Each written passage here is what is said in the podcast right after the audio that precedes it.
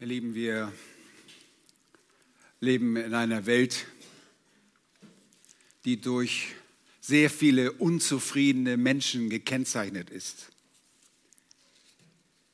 Menschen, die nicht nur undankbar sind, sondern dazu auch noch murren, die widerspenstig sind und somit unbewusst Götzendienst und Abgötterei betreiben. Nun, das erwarten wir von einer gottlosen Welt, die Gott nicht Dank sagen können, die das nur aus einer Rhetorik heraus tun, so wie gestern beim Fernsehen, als der Christian Eriksen, der dänische Nationalspieler, auf dem Feld zusammenbrach und einen Herzinfarkt erlitt und er doch überlebte, sagte der Reporter hinterher, Gott sei Dank.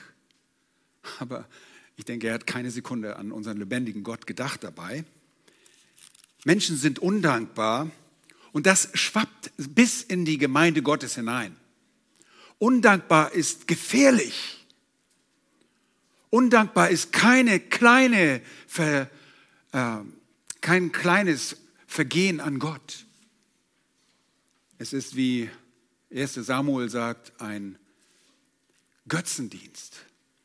Es ist Widerspenstigkeit gegen Gott, der nicht anerkennen will, die nicht anerkennen will, dass Gott regiert. Und ihr habt es schon mitbekommen, es soll in unserer Predigt heute darum gehen, dass wir Jahwe Gott danken. Und dafür gibt es viele gute Gründe, wie uns auch der Psalm, den wir ansehen werden, heute zeigen wird. Und zwar ist es der Psalm 136, den ihr gerne aufschlagen dürft. Und ihr werdet auch eine Aufgabe erhalten. Wir werden diesen Psalm gemeinsam lesen, aber dieser Psalm ist ein, äh, stellt einen liturgischen Wechselgesang dar.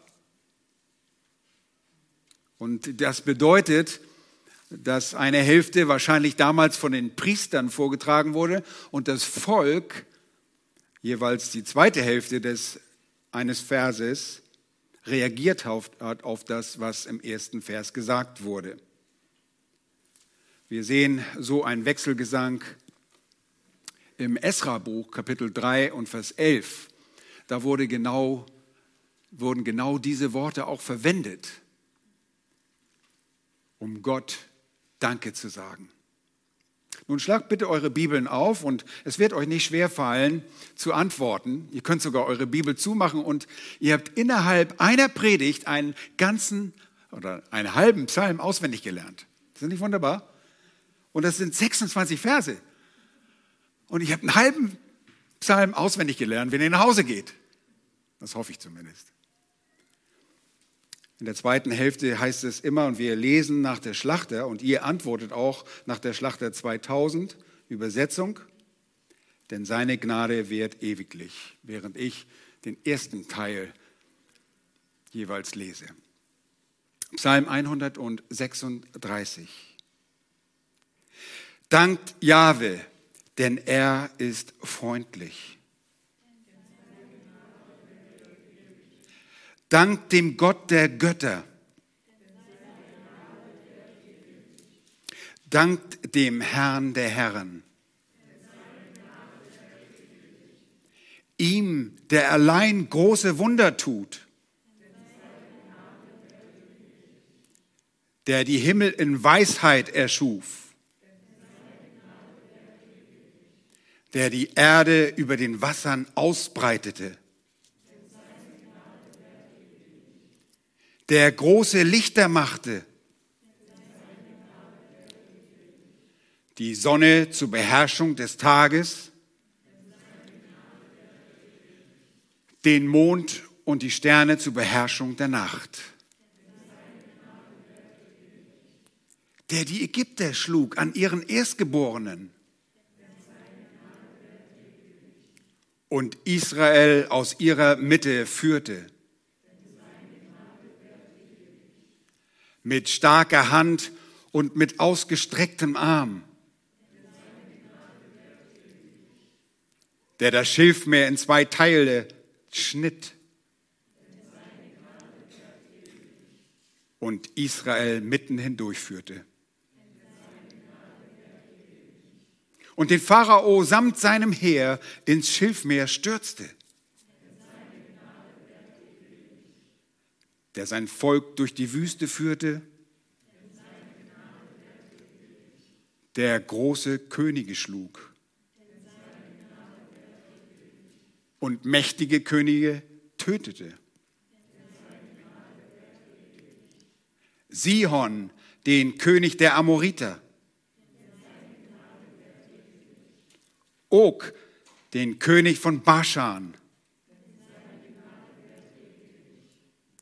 Und ihr Land als Erbe gab. Als Erbe seinem Knecht Israel. Der an uns gedachte in unserer Niedrigkeit und uns unseren Feinden entriss. Der allem Fleisch Speise gibt. Dankt dem Gott des Himmels, denn seine Gnade wird ewiglich. Habt ihr das Thema dieses Psalms begriffen?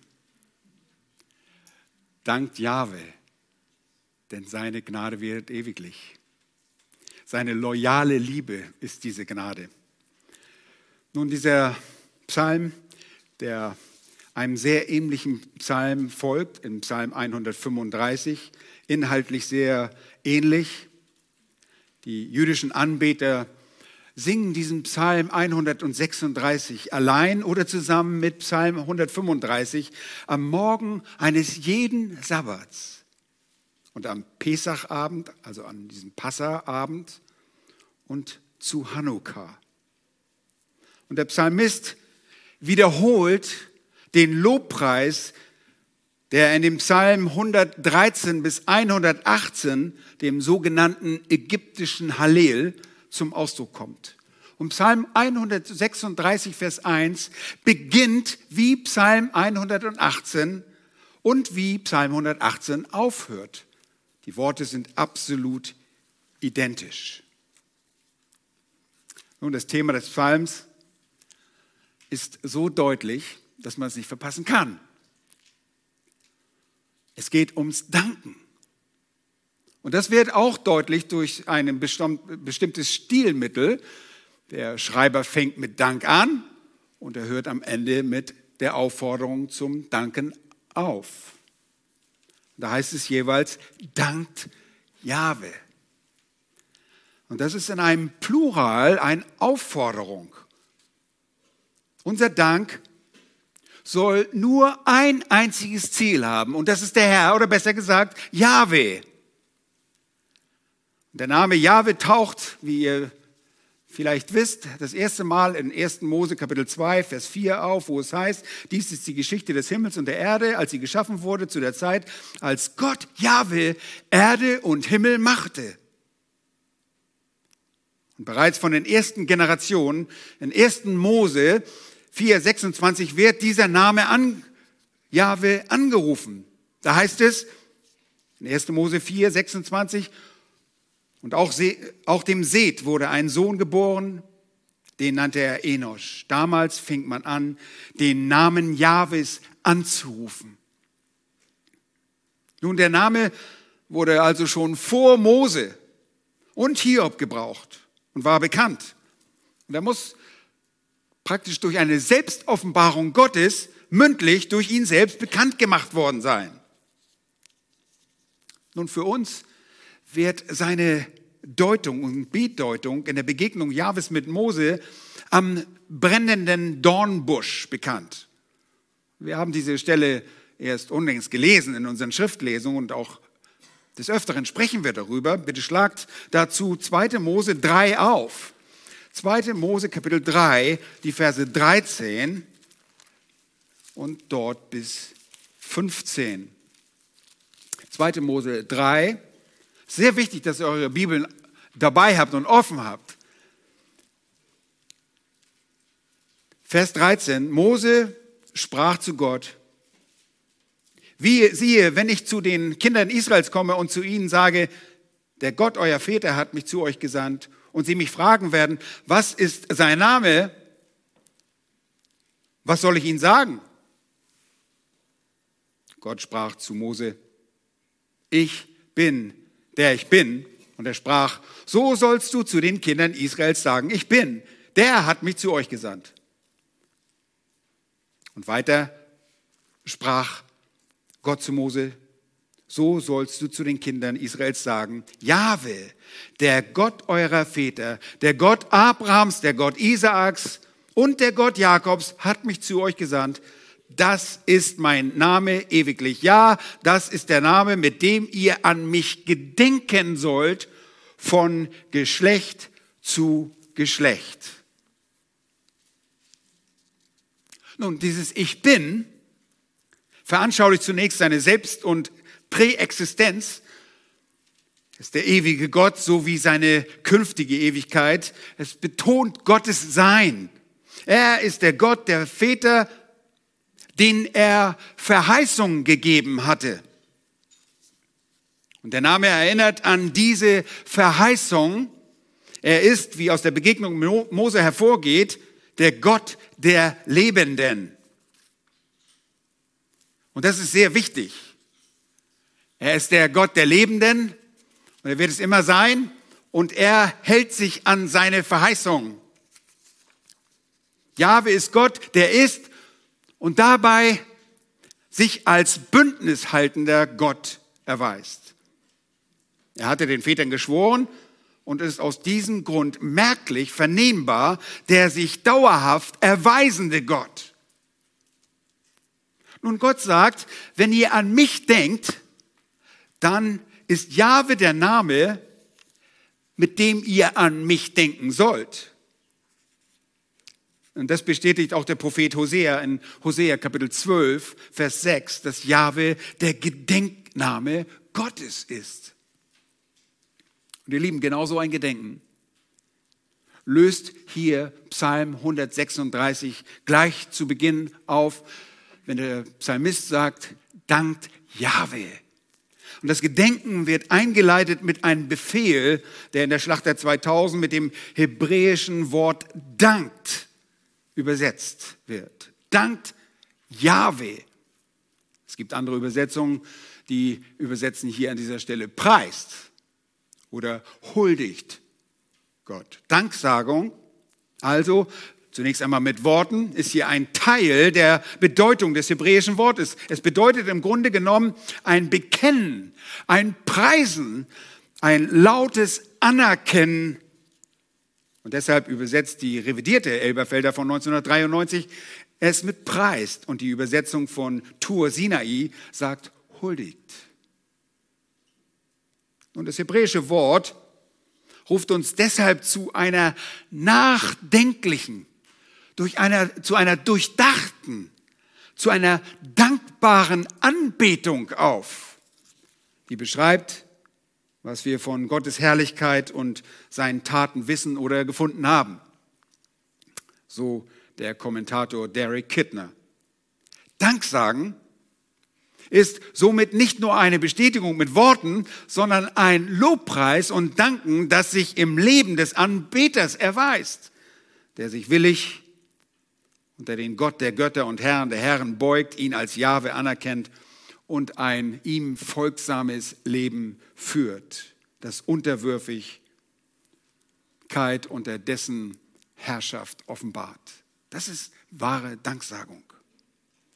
Nun, dankt Jahwe für seine loyale Liebe. Und der erste Punkt A ist, er ist gut. Und Daniel hat es kurz im Vorprogramm schon angesprochen. Das erste ist, er ist gut. Und das beinhaltet seine Gnade beziehungsweise loyale Liebe. Wenn wir als Kinder Gottes über Jahwe in der Bibel lesen und ihn studieren, wenn wir über das Geschriebene nachsinnen, dann bringt es uns dazu, ihm zu danken zu wollen. Denn, so sagt der Psalmist zunächst in Vers 1, denn Jahwe ist gut so drückt es die revidierte Elberfelder von 1993 aus. Er ist gütig, So drückt das die unrevidierte Elberfelder aus von, und die Schlachter 2000. Er ist freundlich. So drückt das die alte Züricher, die Menge und die Lutherbibel aus. Das hebräische Wort hier, Tov, bedeutet genau das. Gütig, gut, freundlich. Er ist einfach nur gut. Der Psalmist sagt damit, dass Jahwes komplettes Wesen einfach gut ist. Und wir können sagen, dass er nur gut ist, denn in Psalm 73, Vers 1 drückt Asaf genau diesen Aspekt der Güte Gottes aus. Er schreibt, nur gut ist Gott gegen Israel, gegen die, welche reinen Herzens sind. Psalm 73, 1. Es ist Jahwes Wesen, gut zu sein. Und das nennt man dann Güte. Wir können ja nicht sagen Gute, sondern das ist Güte, okay? Wenn wir die Güte definieren wollen, dann in etwa so. Gottes Güte bedeutet, dass Gott, und das hat Daniel mal für uns äh, zusammengefasst, mit der Hilfe von äh, dem Theologiebuch von John MacArthur und äh, das von äh, Dick Mayo kam. Gottes Güte bedeutet, dass Gott Summe, Quelle und Maßstab für Gutes ist. Und alles, was Gott ist und tut, der Zustimmung würdig ist. Ich wiederhole das nochmal. Gottes Güte bedeutet, dass Gott Summe, also wenn wir alles zusammentragen, die Quelle und Maßstab für Gutes ist. Und alles, was Gott ist und tut, der Zustimmung würdig ist. Alle Bestandteile seines Wesens und all seine Eigenschaften lassen Jahwe nur gut sein. Und so ist er zu erkennen und wahrzunehmen. David sagte in Psalm 34, als er sich vor Abimelech äh, wahnsinnig stellte und dieser von ihnen sich äh, äh, diesen wegtrieb und er fortging, sagte schmeckt und seht, wie freundlich, wie gut Jahwe ist. Wohl dem, der auf ihn traut. Psalm 34, Vers 9. Und das ist nebst der Erinnerung an den Namen Jahwe der erste motivierende Anlass zum Dank in diesem Psalm. Der Schreiber erwartet ein gemeinschaftliches Danken, ein Dank vom Volk, und zwar der ganzen Versammlung der Gottesfürchtigen. Deshalb spricht es hier dankt im Plural aus. Hier in dieser einfachen Ausdrucksweise, er ist gütig. Wir haben damit ein biblisches Gütesiegel, das wir sehr häufig von Jahwe finden in der Schrift. Es zeigt uns, dass Gott jede Probe, jeden Qualitätstest bestehen kann und er den Maßstab und er der Maßstab für all das Gute ist. Nicht wir definieren gut, sondern er definiert gut. Nun, ihr wisst, während Gütesiegel an Produkten, die wir heutzutage in den Regalen unseres Landes finden, oft missbräuchlich angebracht werden und eine Qualität bescheinigt wird, die das Produkt nicht besitzt. Und wir dann auch oftmals zu Hause dann ein blaues Wunder erleben, wenn wir dieses Produkt das erste Mal benutzen und dann ist auf einmal kaputt. Ja, keine Qualität, nichts. So erleben wir dieses Gütesiegel Gottes in Vers 1 als 100% zutreffend.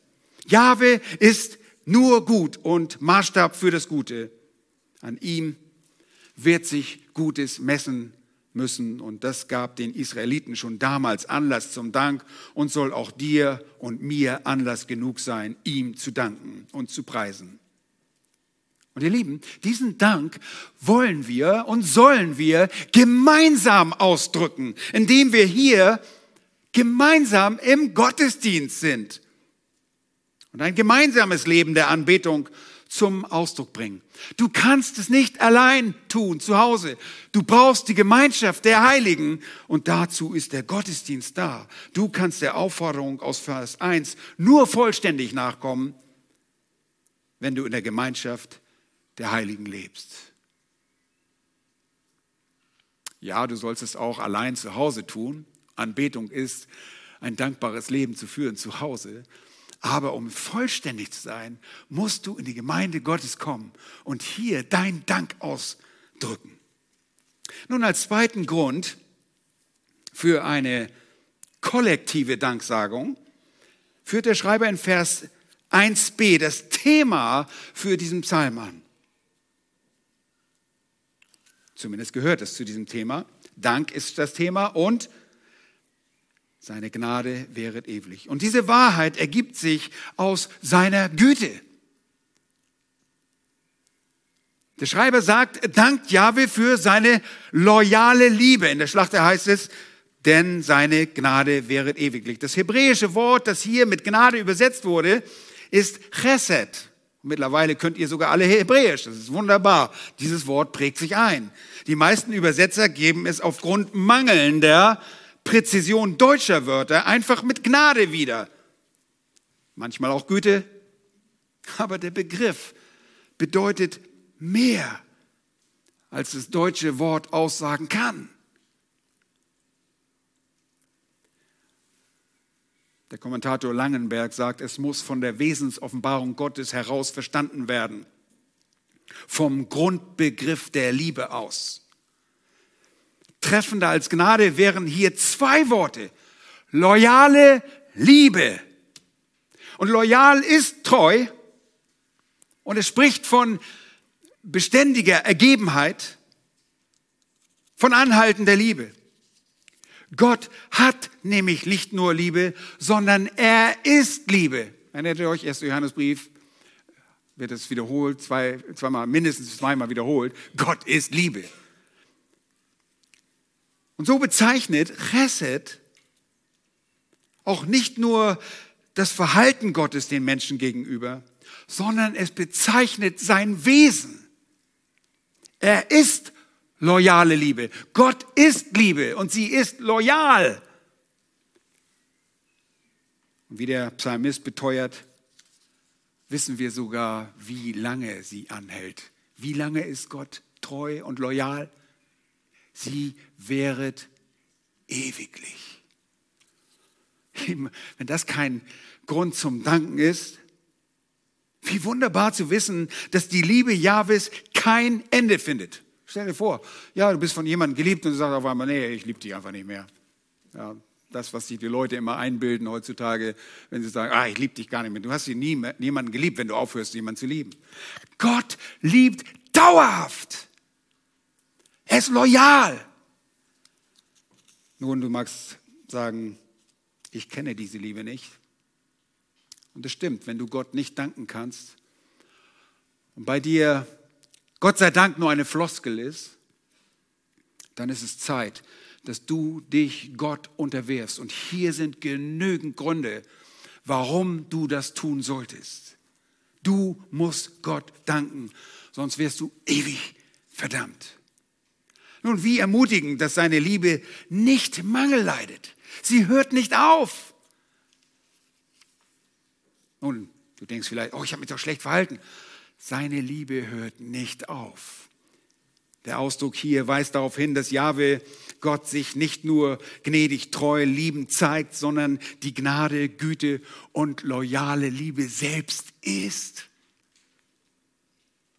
Der Kommentator Robert Davidson sagt zu dem Wort Chesed, Zitat Beginn, wenn es auf Gott angewendet wird, dieses Wort, spricht es von einer göttlichen Hingabe und liebevollen Fürsorge, die trotz aller menschlichen Schwäche und Wankelmütigkeit unveränderlich bleiben. Zitat Ende. Das ist gute Nachricht für uns, oder? Aber ihr seid ja nicht wankelmütig, oder? Doch, wir sind wankelmütig. Wir sind wankelmütig. Und wir können wieder zu Gott kommen und wir können ihm Dank sagen, denn er ist loyal. Preis den Herrn für das. Das ist ein Grund zur großen Freude.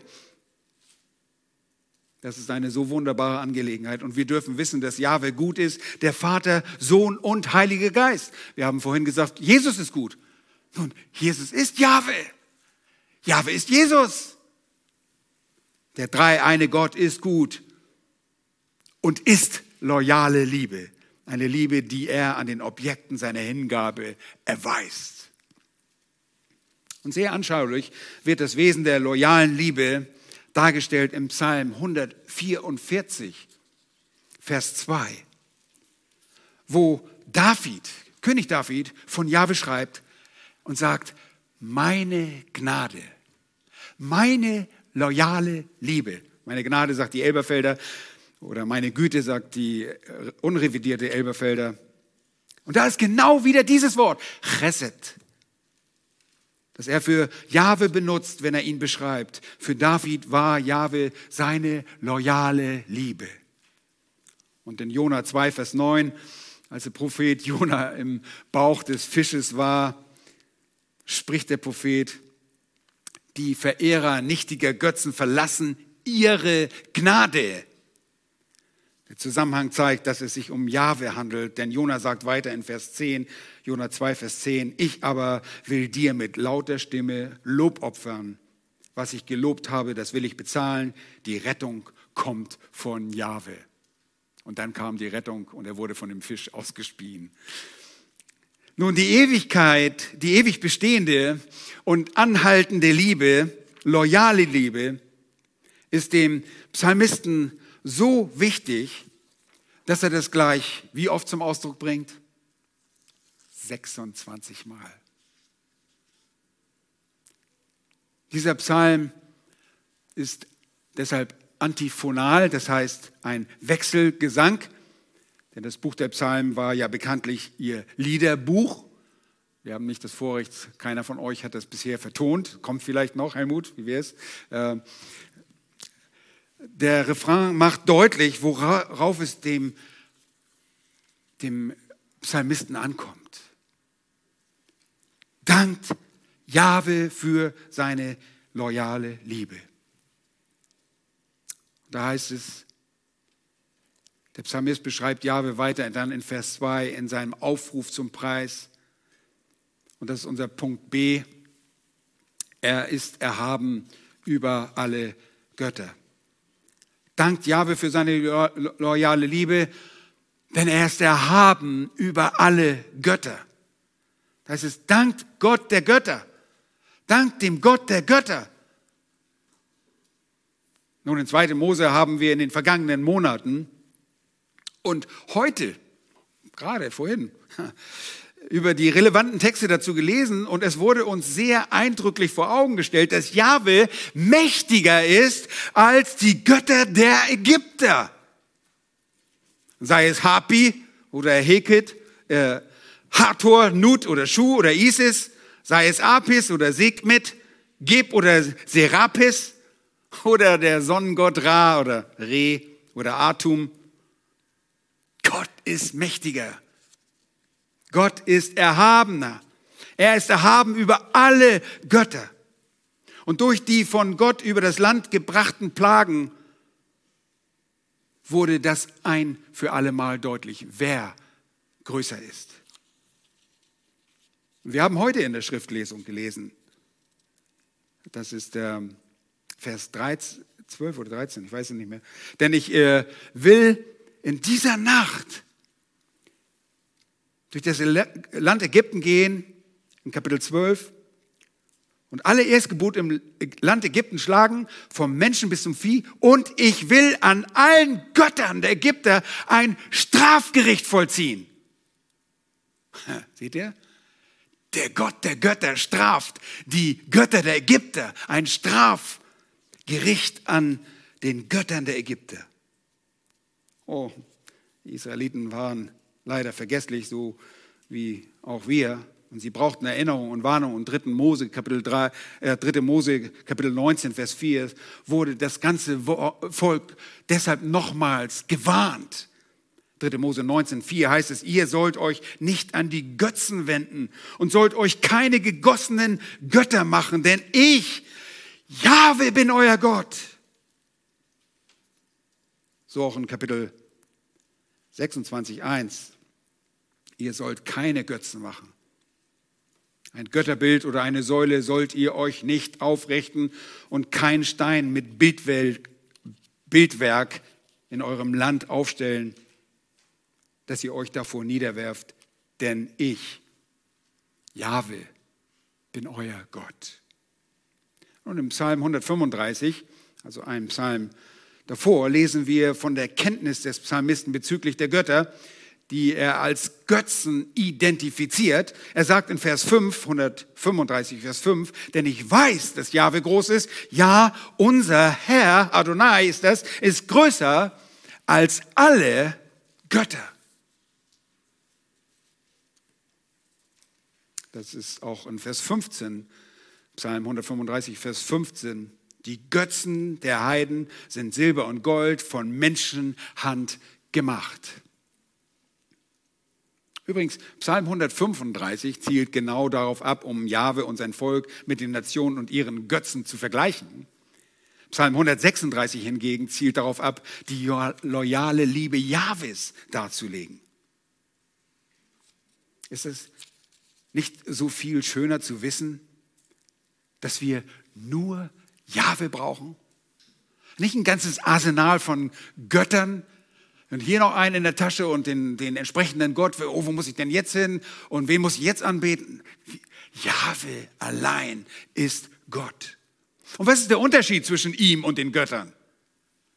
Sie sind nur, diese Götzen sind nur Produkte menschlicher Fantasien. Angetrieben durch dämonische Energie wird der Mensch so kreativ, schnitzt und gießt sich Götzen, denkt sich Götter und Götterbilder und macht sich durch seine Aufmerksamkeit reale Dinge und Wesen gegenüber zu einem Götzenanbeter. Jahwe, Gott ist erhaben über all diese Götter und Götzen.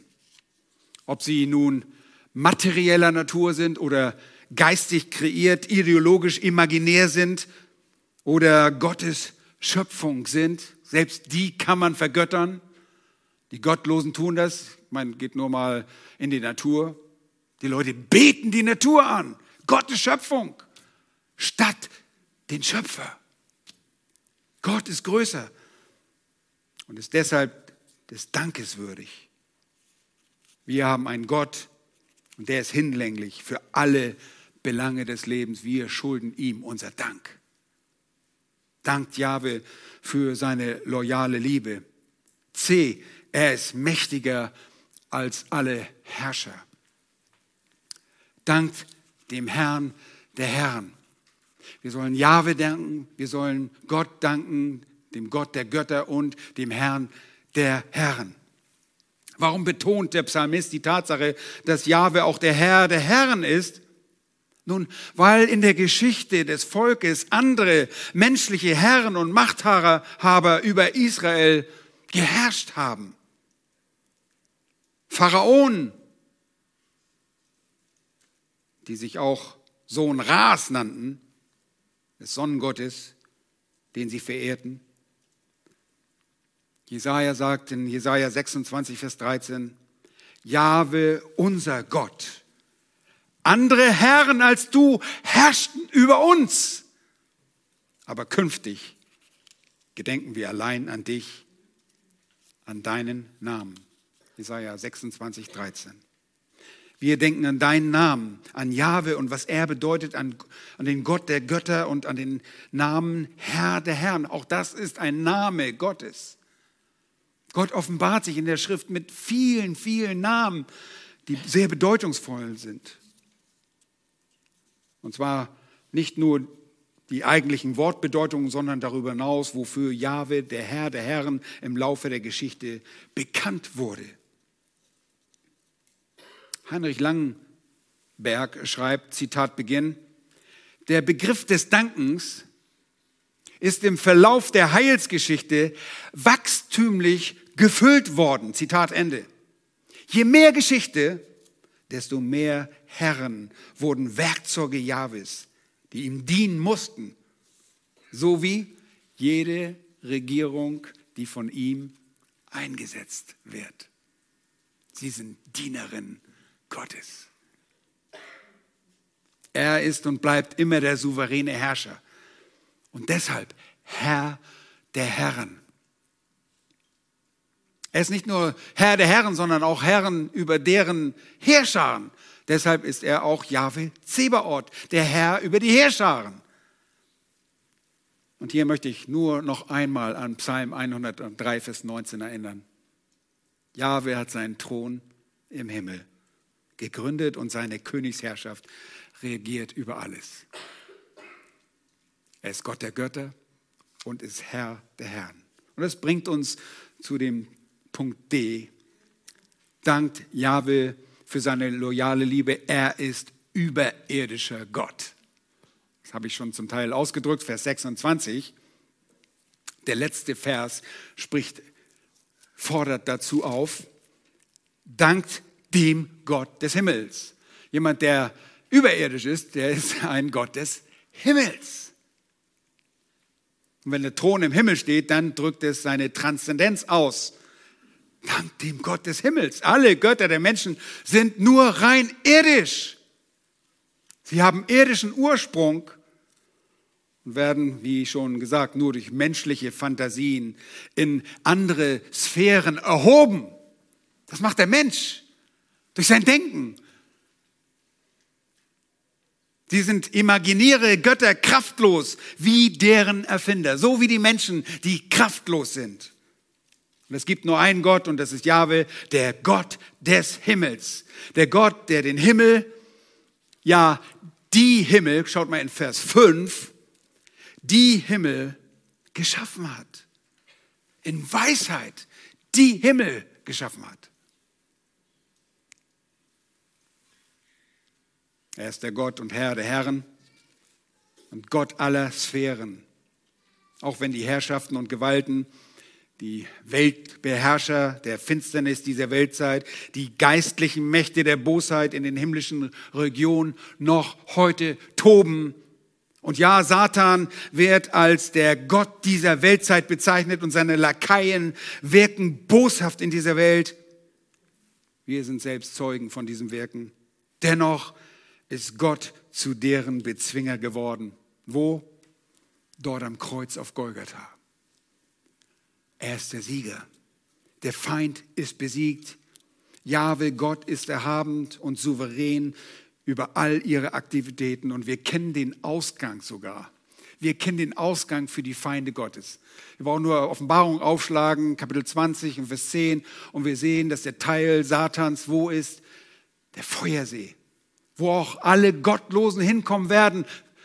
Offenbarung 20, 15, die Gottlosen kommen mit Satan und seinen Dienern in diesen Feuersee.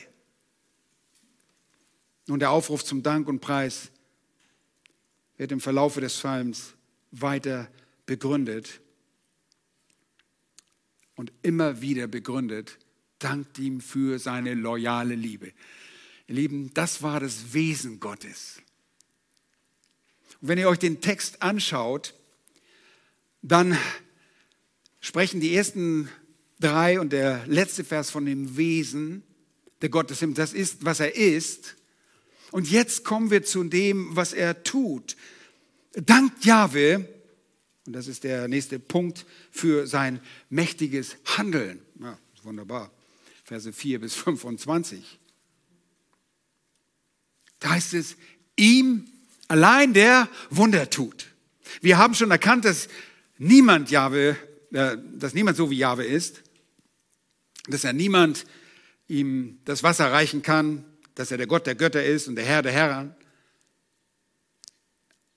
Er ist in seinem Handeln und Machen erhaben über alle Schöpfung, einschließlich der gesamten Engelwelt und Satan. Jahwe, Gott, macht außergewöhnlich große Dinge. Ihm, der allein große Dinge tut, große Wunder tut. Und die sehen wir zunächst in diesem Text, in den Versen 5 bis 9, anhand der Schöpfung. Und dann in den Versen ab Vers 10 sehen wir diese großen Werke an dem Handeln seines Volkes in der Erlösung Israels aus Ägypten. Okay? Jetzt kommen wir zu dem, was er tut. Wir haben das Wesen gesehen, jetzt sehen wir, was er tut. Und er tut große Dinge. Sind nicht so kleine Dinge. Ja, wir, wir erinnern uns an die Zauberer Ägyptens, sie konnten ein paar Sachen nachmachen. Und irgendwann war Schluss mit lustig. Da konnten sie nicht mehr nachmachen. Unser Gott, Jahwe, kann große Dinge tun. Er tut große Wunder. Nun, universell betrachtet trifft das auf uns alle zu. Das allgemein betrachtet tut er große Dinge, auch in unserem Leben, weil die Schöpfung betrifft auch uns. Und er wird sogar in der Zukunft wieder schöpfen, im Sinne von schaffen, eine neue Welt und einen neuen Himmel. Und er tut große Dinge.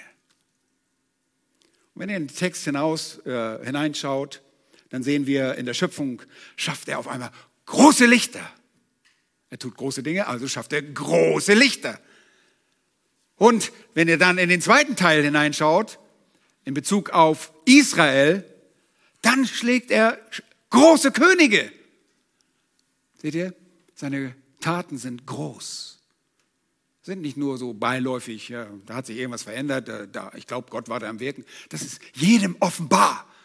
Und die Zukunft wird zeigen, dass er ein großer Gott ist. Jedem wird es offenbar, wenn Gott sein Volk wiederherstellt und dieses Volk in das Reich einzieht. Wenn eine neue Erde erscheint, das wird jedem offenbar. Er allein tut große Wunder. Und das ist der erste Punkt A. Er schöpft, Verse 5 bis 9, im Sinne von machen und schaffen.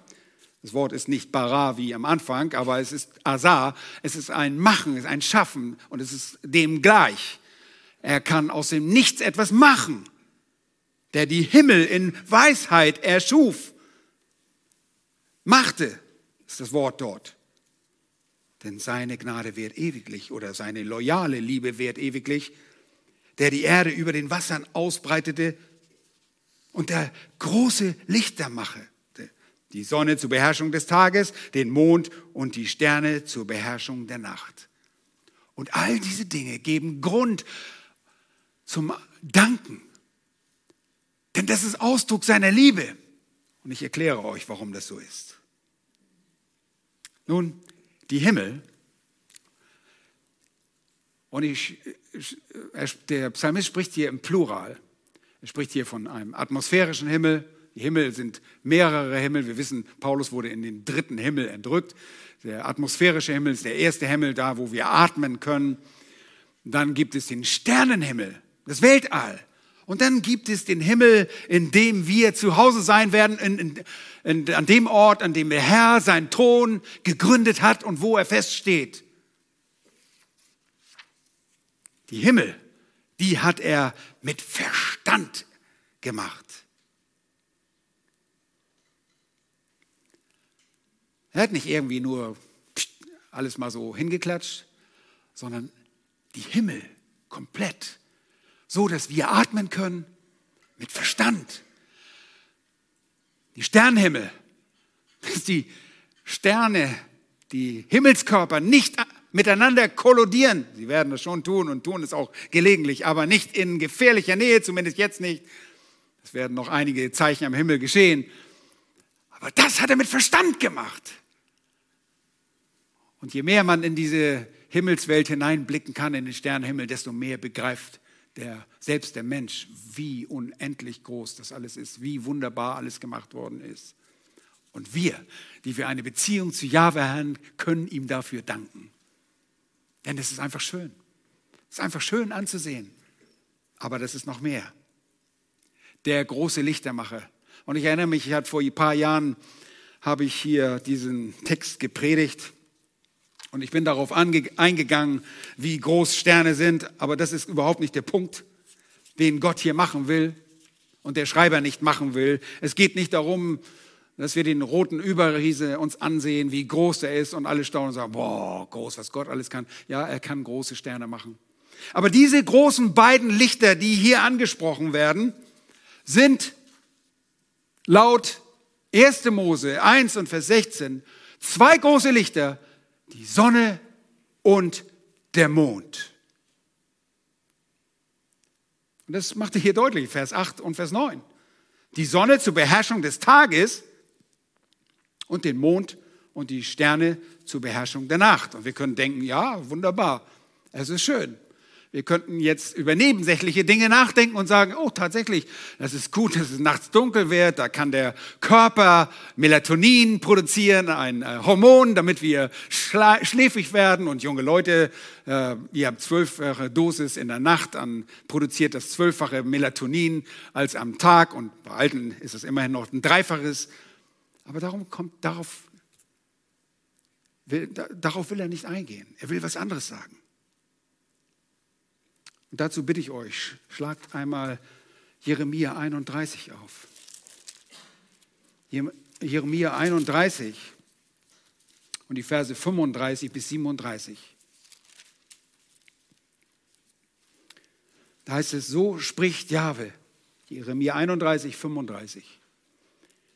So spricht Jahwe, der die Sonne als Licht bei Tag gegeben hat, die Ordnung des Mondes und der Sterne zur Leuchte bei Nacht, der das Meer erregt durch seine Wellen brausen. Jahwe Zebaoth ist sein Name.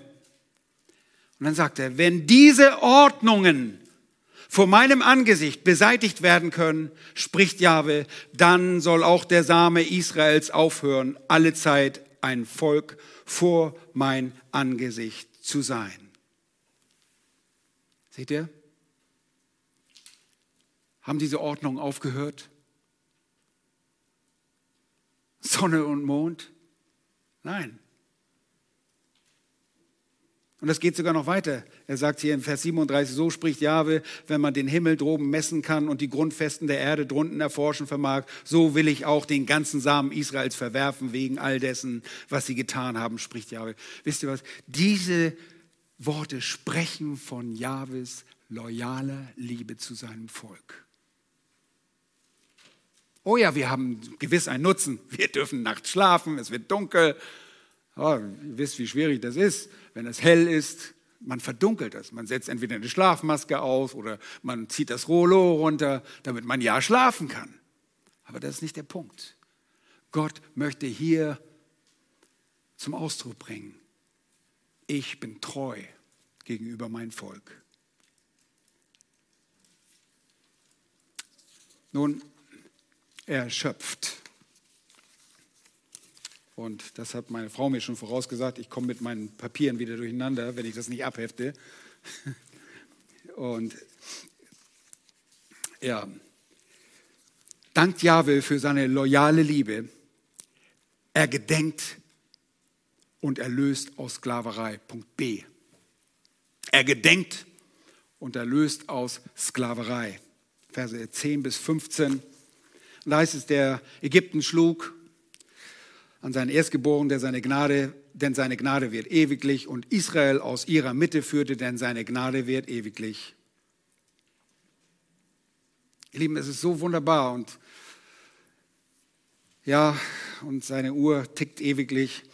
4. Mose 33, die Verse 3 bis 4, heißt es, sie brachen auf von Ramses am ersten Monat, am 15. Tag des ersten Monats, am Tag nach dem Passa, zogen die Kinder Israels aus durch höhere Hand vor den Augen aller Ägypter. Während die Ägypter, hört mal gut zu, diejenigen begruben, welche Jahwe unter ihnen geschlagen hatte, nämlich alle Erstgeborenen. Denn Jahwe hatte an ihren Göttern Gericht geübt. Genau das sagt der Psalm, der Ägypten schlug an seinen Erstgeborenen und Israel aus ihrer Mitte führte. Seht ihr, Gott hatte gesagt, das Volk würde vier Generationen, 400 Jahre in Ägypten sein und dann würden sie ausziehen. Und er ist seinem Wort gegenüber treu, weil er sein Volk liebt und weil er Abraham, Isaac und Jakob geschworen hat, dass er das tun würde. Einfach wunderbar. Vers 12. Mit starker Hand und ausgestreckten Armen, denn seine Gnade wird ewiglich. Und das spricht nur von seiner Macht. Immer wieder werden genau diese Worte äh, angeführt mit starker Hand und ausgestreckten Armen. Das spricht von Jahwes eigener großer Macht. 5. Mose 4, 34 und 35 heißt es, hat je ein Gott versucht hinzugehen und sich ein Volk mitten aus einem anderen Volk herauszunehmen durch Prüfung, durch Zeichen, durch Wunder, durch Kampf und durch eine mächtige Hand und durch einen ausgestreckten Arm und durch furchterregende großen Taten, wie das alles Jahwe, euer Gott, für euch in Ägypten getan hat, vor deinen Augen. Dir ist es gezeigt worden, damit du erkennst, dass Jahwe Gott ist und keiner sonst als er allein. So hat er gehandelt mit ausgestreckten Armen. Und wir sehen seine Werke und wir kennen die Geschichte und sie, diese Geschichte ermutigt das Volk Israel immer wieder, wenn sie zurückblicken. Vers 13, der das Schilfmeer in zwei Teile schnitt. Das ist nicht das Rote Meer, das ist das Schilfmeer in zwei Teile und seine Gnade währt ewiglich und Israel mitten hindurch führte und den Pharao samt seinem Heer ins Schilfmeer stürzte. Und wenn ihr darüber nachdenkt, wer Pharao zu der damaligen Zeit war, Sie waren Weltmacht. Sie waren nicht nur irgendwie so eine kleine Kümmeltruppe von Leuten, die sie zusammengetrommelt hat und äh, mal ein paar Leute verhauen. Sie waren die Weltmacht des Nahen Ostens. Gott hat sie ertränkt, hat Gericht geübt und an ihren Göttern Gericht geübt, sodass sie ertranken. Und dieses Wunder und die weiteren Wunder der Eroberung Transjordaniens, die jetzt noch angeführt waren, den, sie liefern den Boden für die Landeinnahme der Israeliten. Sie bereiten das alles vor. Und ich weiß nicht, was ich machen soll, denn ich habe noch acht Seiten. Dani, soll ich einen zweiten Teil daraus machen? Ich muss meinen Mitältesten gerade fragen. Es wird einfach zu lang. Ich bin der Prediger. Und ja, du bist noch fit. Sehr schön. Ich weiß gar nicht, ich habe erst, naja, so ist es. Okay, ich versuche das, äh, ein paar Dinge zusammenzufassen.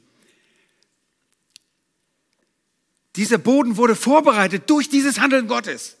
Und wenn wir dann in das Kapitel äh, in Josua gehen, bei der Landeinnahme, dann sehen wir eine Hure, Rahab, die stellvertretend für die Heiden spricht, für die Kanaaniter, die von all diesen Wundern Jahwes Kenntnis hat. Josua Kapitel 2, die Verse 9 bis 11. Sie spricht zu den äh, Kundschaftern dort. Ich weiß, dass Jahwe euch das Land gegeben hat, denn er hat uns, und jetzt spricht sie für Jericho zunächst, Furcht vor euch überfallen und alle Einwohner des Landes sind für euch verzagt.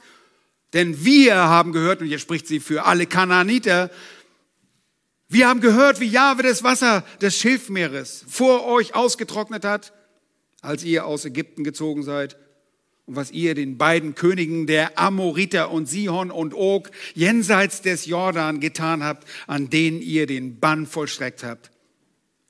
Und als wir dies hörten, da wurde unser Herz verzagt und es ist kein rechter Mut mehr in irgendjemand vor euch.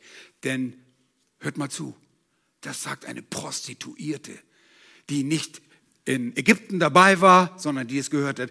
Denn Jahwe, euer Gott, ist oben im Himmel und unten auf Erden. Wow Jahwe für seine loyale Liebe. Und so handelt er liebend mit seinem Volk, das er sich erwählt hat. Und er bringt sie dorthin, wo er ihnen verheißen hat, dass er sie hinbringen wird. Und das werden wir uns beim nächsten Mal anschauen. es ist mir einfach zu schade, wenn wir das einfach unterbuttern. Lass uns noch zusammen beten und dann habe ich noch ein paar Worte zu sagen. Herr, wir sind dir dankbar für deine loyale Liebe, auch in unserem Leben. Du tust große Dinge. Du hast in unserem Leben große Dinge getan, denn du hast unser Herzen verändert, wenn wir deine Kinder sind. Und das ist das Größte, was überhaupt geschehen kann auf dieser Erde, dass du menschliche Herzen veränderst. Danke dafür. Du kennst mein krankes Herz, das immer noch ausreißt und undankbar ist. Vergib mir meine Schuld. Hilf mir, dass ich ein dankbarer Mensch bin. Hilf, dass wir als Gemeinde dankbare Menschen sind, die dir willig nachfolgen. Und dass diese Dankbarkeit sich in einem Leben des Gehorsams niederschlägt, dass wir dir folgen. Und dass wir gerne in deiner Gemeinde sind, dass wir gerne mit den Kindern Gottes zusammen sind. O Herr, du bist groß und du bist gütig. Und du bist nur gut und gütig. Du bist der Gott der Götter, haben wir gelernt, erhaben über alles das, was wir uns ausdenken.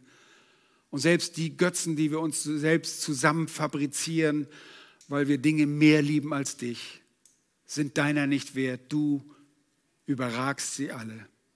Du bist der Herr der Herren.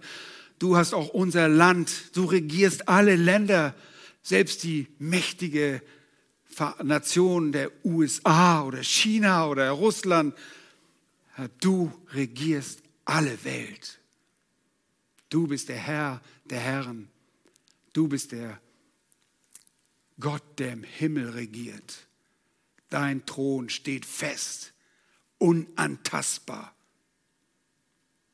Oh, danke, dass du dich unserer Niedrigkeit angenommen hast, dass du uns zu deinen Kindern gemacht hast, dass wir Königskinder heißen dürfen. Herr, und wenn jemand hier ist, der dich nicht kennt, der dir noch nicht wirklich Dank gesagt hat, dann bete ich für diese Person. Erbarme dich ihrer. Hilf, dass diese Person Buße tut, dass sie umkehrt und anerkennt, wer du bist. Herr, du bist nicht nur Retter, sondern du bist Herr.